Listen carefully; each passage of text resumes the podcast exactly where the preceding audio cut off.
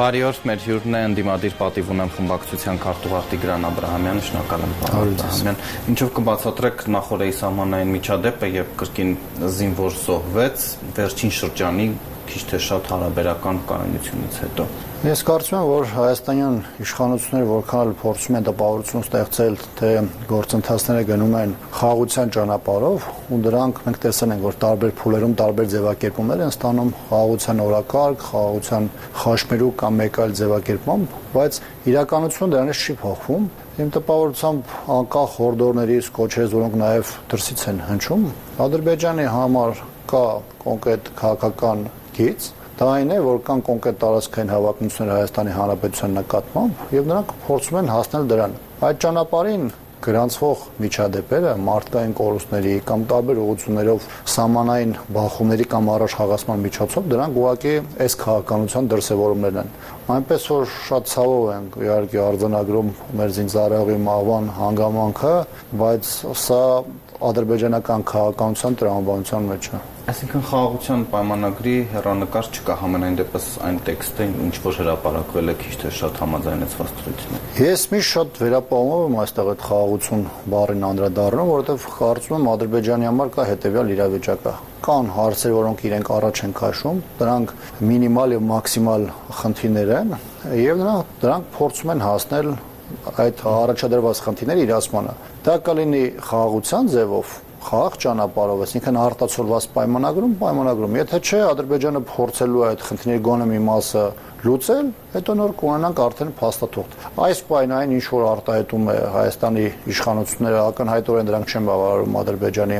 իշխանություններին, ոչ թե նրա համար, որ դրանք ձեռնտու են Հայաստանին, այլ որ Ադրբեջանը փորձում է ստանալ շատ ավելին, քան միջև այս պահը ստացել է եւ կարող է ստանալ այդ փաստաթղթի միջոցով։ Պարոն Աբրամյան, ինչքան ավելին, երբ ասում եք տարածքային հավակնություններ 86600-ից ավելի, ինչ է ուզում Ադրբեջանը։ Դեք Ադրբեջանը ես կարծում ունի երկարաժամկետ պլանավորում հարայն, որ Հայաստանը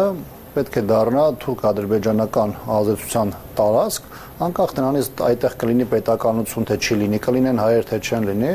սակայն նպատակ կա հարավային Կովկասում այդ կետը վերացնել Գիտեք, որ այս տարիների ընթացքում Հարավային Կովկասի համար մշտապես սահեղ բախումներ են եղել տարբեր աշխարհակաղական կենտրոնների միջև, բայց այստեղ բացի այդ մեծ մասշտաբային ազդեցությունից, այստեղ կան նաև տարածաշրջանային տարբեր շահեր, եւ այս տեսանկյունից Թուրքիա եւ Ադրբեջանի նպատակը հետեւյալն է՝ Հայաստանը պետք է գտնվի իրենց ազդեցության տիրույթում ամբողջական իրենց վերահսկողության տակ։ Մնացած մասը արդեն տեխնիկական է, պետականություն կլինի թե չի լինի։ Հիմա սրան հասնելու ճանապարհին Ադրբեջանը փորձում է ազդեցություն եւ վերահսկողություն ստանալ Հայաստանի Հանրապետության այնպիսի կետերի նկատմամբ, որով Հայաստանի ինքնուրույնությունը, սուբյեկտայինությունը արդեն իսկ խաթարվում է եւ այս պայմաններում դրանից հետո անկախ նրանից թե օրվա իշխանությունից գոռա կասի որ ինքը ամեն ինչ արեց որ Հայաստանի Հանրապետության տարածքը պահի թե չի գոռա դրանից իրականություն չի փոխի որտեղ Ադրբեջանը կստանա այն ինչ իր համար անհրաժեշտ է կարճաժամկետ, միջնաժամկետ եւ երկարաժամկետ կտրվածքով այդ շարքից են անկլավները, դուք դա ռազմավարական նշանակ։ Միանշանակ, շատերը թեման քննարկում են որպես ֆիզիկապես 8 գյուղի գոյության խնդիր կամ Հայաստանի իշխանությունների պատրաստակամությունը այդ գյուղերը հանձնելու վերաբերյալ, որտեղ զուտ քառակուսի կիլոմետրով չափելիք։ Այո, դրա հետ կապված հատկապես երբ որ հայաստանյան իշխանությունները անթակույց ձևով այն ադրբեջանական են համարում եւ պատրաստակամություն են հայտնում որևէ ձևով հանձնելու Ադրբեջանին, անկախ նրանից թե ինչ ակնկալիք ունեն, ամեն դեպս Ադրբեջանը դրա դիմաց որևէ բան ոչ խոստանում է, ոչ էլ առհասարակ խոսում է։ Բայց սա գանք մեկ այլ տեսանկյունից, սրա ռազմավարական նշանակությունը այդ գյուղերի Հարցում եմ Հայաստանում ճիշտ գնահատված չէ։ Իհարկե միանշանակորեն կան մասնագետներ, մարդիկ, որոնք տեղանքին նաև լավ տիրապետում են, նրանք հոյակապ հասկանում են, թե ինչ է նշանակում այդ գյուղերի հանձնում Ադրբեջանին։ Բայց այս տեսանկյունից կարծում եմ, որ հանրային դիսկուրսի առումով դա մեր հանրության մեջ այդքան էլ գիտակցված չէ։ Ինչ-որ մարդիկ համարում են, որ դա իրենցից բավականին հեռու է։ Ինչ-որ մարդիկ մտածում են, որ եթե այդ գյուղերի անունները չգիտեն, ապա դրանք անվտանգային առումով իրենց որևէ ձևով չեն սպառնում, բայց ես միանշանակ պետք է ասեմ, որ դրանք բավականին խնդրահարույց են Հայաստանի Հանրապետության համար առաջին տեսանկյունից, ռազմական տեսանկյունից, եւ այդ գյուղերի հանձնումը եւ այդ գյուղերի հանձնումը ադրբեջանական պատկերացումներով, որոնք ավելի լայն են, քան այստեղ խոսվում է, կարծում եմ Հայաստանի Հանրապետության համար իսկապես բերել է շատ ողբերգ հայկական վաղճան է ավելի լայն են Ադրբեջանի համար, այսինքն դրանք միայն հանձնում են եւ ոչ փոխանակում, ինչպես Երևանն է ասում։ Դա հարցի առաջին հատվածն է, բայց կա նաեւ երկրորդ հանգամանքը։ Ադրբեջանական կողմը խոսում է ոչ միայն ֆիզիկական առումով այդ գյուղերի, այլ նաեւ դաշտային հարթավարային այն հատվածների մասին, որը օրինակ իր ներկայացմամբ ինչ որ փուլում օգտագործվել է բայց նույնիսկ սովետական ժամանակահատվածում, երբ որ մեկ ընդհանուր պետություն է եղել, բնականաբար որևէ մեկի համար խնդիր չի եղել։ Հայաստանից իր օրինակ անասունները տանելու Ադրբեջանի սովետական հանրապետության հատված կամ հակառակը եւ այլն, այսինքն հազար ու մի այսպիսի հարցեր են եղել, որոնք այն ժամանակ ընդհանուր պետության պայմաններում որևէ խնդիր չեն եղել, բայց Ադրբեջանը հիմա փորձում է ստանալ այն, որ այն տարածքներում, որում թեկուզ մի կարճ ժամանակահատված ադրբեջանցիները ինչ որ գործունեություն են ծավալել անասնապահությունը թե գյուղատնտեսությունը, փորձում են նաև վերահսկողություն ստանալ սրա տրամաբանության նաև այդ տարածքների նկատմամբ։ Այսինքն բացի նրանից որ ֆիզիկական առումով է շատ մեծ խնդիր սա դառնալու Հայաստանի Հանրապետության համար, ռազմավարական եւ ռազմական նշանակությունը այդ հատվածների կարծում եմ Հայաստանում իջև այս պահը ճիշտ գնահատված չէ։ Ավելին ասեմ, Ադրբեջանի համար այսօր այդ գյուղերի նկատմամբ, հատկապես դրանցից 3-4-ի նկատմամբ վերահսկողությունը շատ ավելի կարևոր է, քան այն հատվածների նկատմամբ, որոնց ուղղությամբ իրենք ունեն շատ ավելի մեծ վերահսկողություն եւ որոնք Հայաստանի Հանրապետության տարածքներին միջև 20 թվական օրինակ Մյուս կողմից պարոն Աբրամյան վարչապետն ասում է, որ այնինչ դուք նկարագրեցիք հնարավոր է անել այլընտրանքային ճանապարհներով, շրջանցելով այդ գյուղերը եւ չասած, որ միևնույնն է 29800 քառակուսի կիլոմետրը պահպանվելու է։ Հայաստանի իշխանությունները Հայաստանի Հանրապետության տարածքը, երբ որ խոսում ենք հանձնման կամ Ադրբեջանի կողմից վերահսկողության պայմանների մասին, խոսում են բացառապես այն տեսանկյունից, որ գիտեք, եթե այս ճանապարհը փակվի, մենք այլ տեղերով ճանապարհներ կանցկացնենք։ Հիմա երբ որ իշխանությունը սկսում է տրամաբանությամբ աշխատել, դա ըստ էության նաև պատրաստակամություն է տարբեր ուղղություններով հողերը հանձնելու, տալու, որովհետև նրանց համար գլխավոր խնդիրը, որը ներկայացնում են, հենց այդ շրջանցիկ ճանապարհներն են։ Հիշեք, որ նույնը 20 թվականի վերջում, 21-ի սկզբում ասում են հայտնի Գորիս Կապան այդ որոտանով շուրնոխով անցնող ճանապարհի մասին։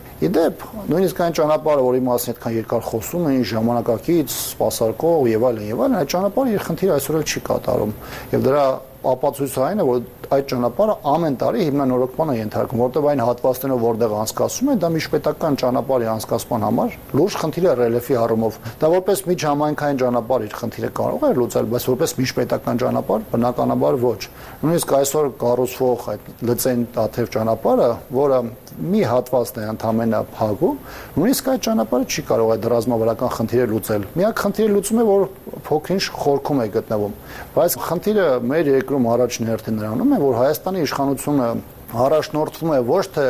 իր ռազմավարական շահերը սпасարկելու եւ ապահովելու տեսանկյունից, այլ սկսում է խոսել այլընտրանքների մասին, այս կամ այն բնակավայրի հանձնելուց հետո, թե ոնց է ապահովելու մարդկանց երթևեկությունը։ Բայց սա մենակ սուտ երթևեկության խնդիր չի, սա սովորական միջհամայնքային ճանապարհների խնդիր չի։ Սա ռազմավարական դեպի Վրաստան դեպի հյուսիս եւ դեպի հարավ, դեպի Իրան գնացող ճանապարհների կարևոր խնդիր է հանգուցային եւ իդեպ ասեմ, որ շատ դեպքերում այդ նրանց նշած այլընտրանքային ճանապարհներն էլ Ադրբեջանի կողմից էֆեկտիվ դիտարկման խնդիրը չեն փոխելու։ Բայց եթե այդպես լիներ, միջանցքն էլ հեշտությամբ կտային, չէ, պարոն Աբրամյան, բայց տեսեք 3 տարի է ինչ դիմադրությունը եւ նույնիսկ ռուսական վերահսկողության ամուտանգության դեմ է Երևանը։ Ես կարծում միջանցքի հետ կապված կա այլ խնդիր, որը դուրս է հայրասարակ պաշտոնական Երևանի ուժերից, այսինքն իհարկե իրավիճակ օգտագործելով Հայաստանյան իշխանությունը փորձում է որոշակի ճարպիկություն դրսևորել, ցույց տալ, որ իրենք դիմադրում են, բայց այստեղ դիմադրությունը աշխարհակահաղական մակարդակում է եւ երբ որ այնտեղ լինի փողզիջում, անկախ նրանից թե դա ինչ փողզիջում կլինի, Հայաստանի այս իշխանությունը ամեն դեպս այդտեղ միջամտելով որևէ հնարավորություն չի ունենալու։ Երկրորդը, երբ որ հղում են կանում այս կամ այն հարցի հետ կապված այս իշխանությունների դիրքորոշումներին մենք բազմիցս տեսել ենք, որ այդ դիրքորոշումները, որոնք հրապարակային հայտնել են եւ հայտնել են հենց իրենց առաջին դեմքի մակարդակով, դրանք բնականաբար կյանքի չեն կոչվել։ Սկսած Արցախի հետ կապված հարցերից վերջացած Հայաստանի Հանրապետությունը ամեն գնով պաշտպանելու իրենց պատրաստակամության մասով, որտեղ կյանքը ցույց տվեց եւ հանձնեցին Արցախը եւ Հայաստանի Հանրապետության 200 քառակուսի կիլոմետր տարածքն նույնիսկ պաշտոնական տեղեկություններով ես կարծում դա ավելի մեծ է եւ այս պայմաններում կարծում եմ հիմնվել այսօրվա պաշտոնատար անձանց հայտարարությունների վրա եւ դրանով վստահություն ունենալ, որ խնդիրը գոնե այս հունով չի շարժվի, կարծում եմ տրամաբանական չէ։ Ձեզ վստահություն չեն նշնչում նաև արևմուտքից անդադ հնչող հավաստիացումները, այդ թվում եւ Միջանցքի եւ ընդհանրապես Հայաստանի ամբողջ տարածքի նկատմամբ, որ դա կարմիր գիծ է եւ չի հանդուրժվելու։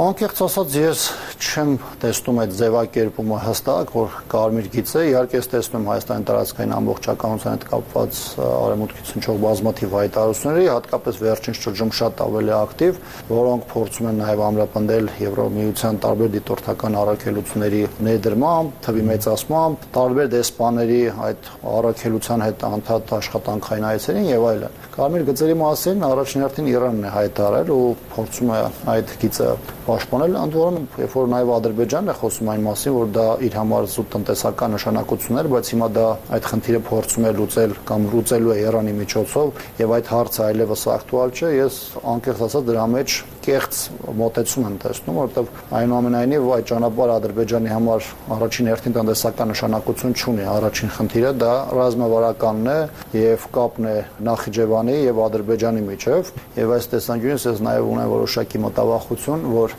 Ադրբեջանը թմրեցնելու է իրավիճակը, ցույց է տալուց ու այդտեղ ճունի հավակնություններ։ Հայաստանի Հանրապետության իշխանություններին որոշակի թուլություն է հաղորդելու այդ ուղղությամբ լուրջ աշխատանքներ ճանելու առաջին հերթին անվտանգային պաշտպանական նկատի ունեմ եւ ինչ որ բարենպաստ պայմանների ձևավորման դեպքում նկատի ունեմ ռեգիոնալ Հայաստան, Ադրբեջանի ներսում եւ այլն, Ադրբեջանը ամեն դեպքում իր օրակարգում է պահելու, խփելու եւ ուժի միջոցով այդ հարցը լուծելու խնդիրը հապկին անդամակցությունը հիմա ինչ է տալիս Հայաստանին։ Մի քանի խնդիր կա, որը ՀՊԿ-ի միջոցով կարգավորվել է, բայց շատ բան ՀՊԿ-ի արդյունավետությունը Հայաստանի մասով պայմանավորված է Հայաստան-Ռուսաստան հարաբերություններից։ Դա կարծում եմ շատ շատերի համար շատ հստակ է եւ բնականաբար այն փուլում, երբ որ Հայաստան-Ռուսաստան հարաբերությունները խաթարվում են, մակարդակը իջնում է երևացող կամ չերևացող մակարդակում բնականաբար նա ազդում է նաև ՀՊԿ Հայաստան հարաբերությունների վրա։ Հիմա մենք այս վերջին տարիներին այդ շրջափուլում ենք եւ ՀՊԿ-ի անգործությունը կամ թույլ էֆեկտիվությունը ուղիղ համատական է Հայաստան-Ռուսաստան հարաբերություններին։ Կա հնարավորություն ՀՊԿ-ի ֆորմատը օգտագործելու եւ որոշակի անվտանգության խնդիրներ լուծելու համար բնականաբար կա եւ եղել է եւ եղել է մինչեւ 2018 թվականը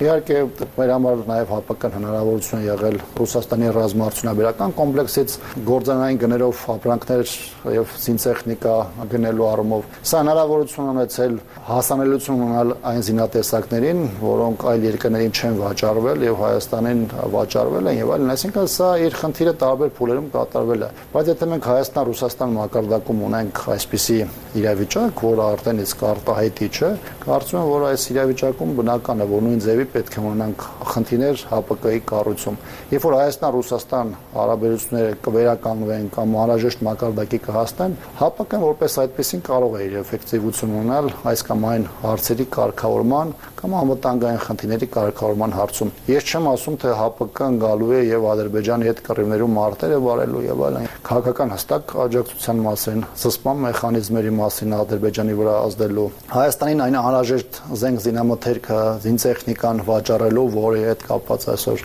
լուրջ խնդիրներ կան եւ այլն։ Ամեն դեպս կարծում եմ շատ հստակ է պատկերը, որ Հայաստան-Ռուսաստան հարաբերություններով պայմանավորված ՀՊԿ-ի էֆեկտիվությունը բարձրանալու կամ իջնելու է։ Ուրեմն չպետք է սпасել երկար ժամանակ, որտեղ հայտնի չէ ուկրաինական պատերազմը, ու ինչ կլինի այդ զենքը կտան, մեզ չեն տա եւ այլն կամ հարաբերությունները ոնց կզարգանան եւ Չեմ կարծում, որ միայն Ուկրաինայով է սա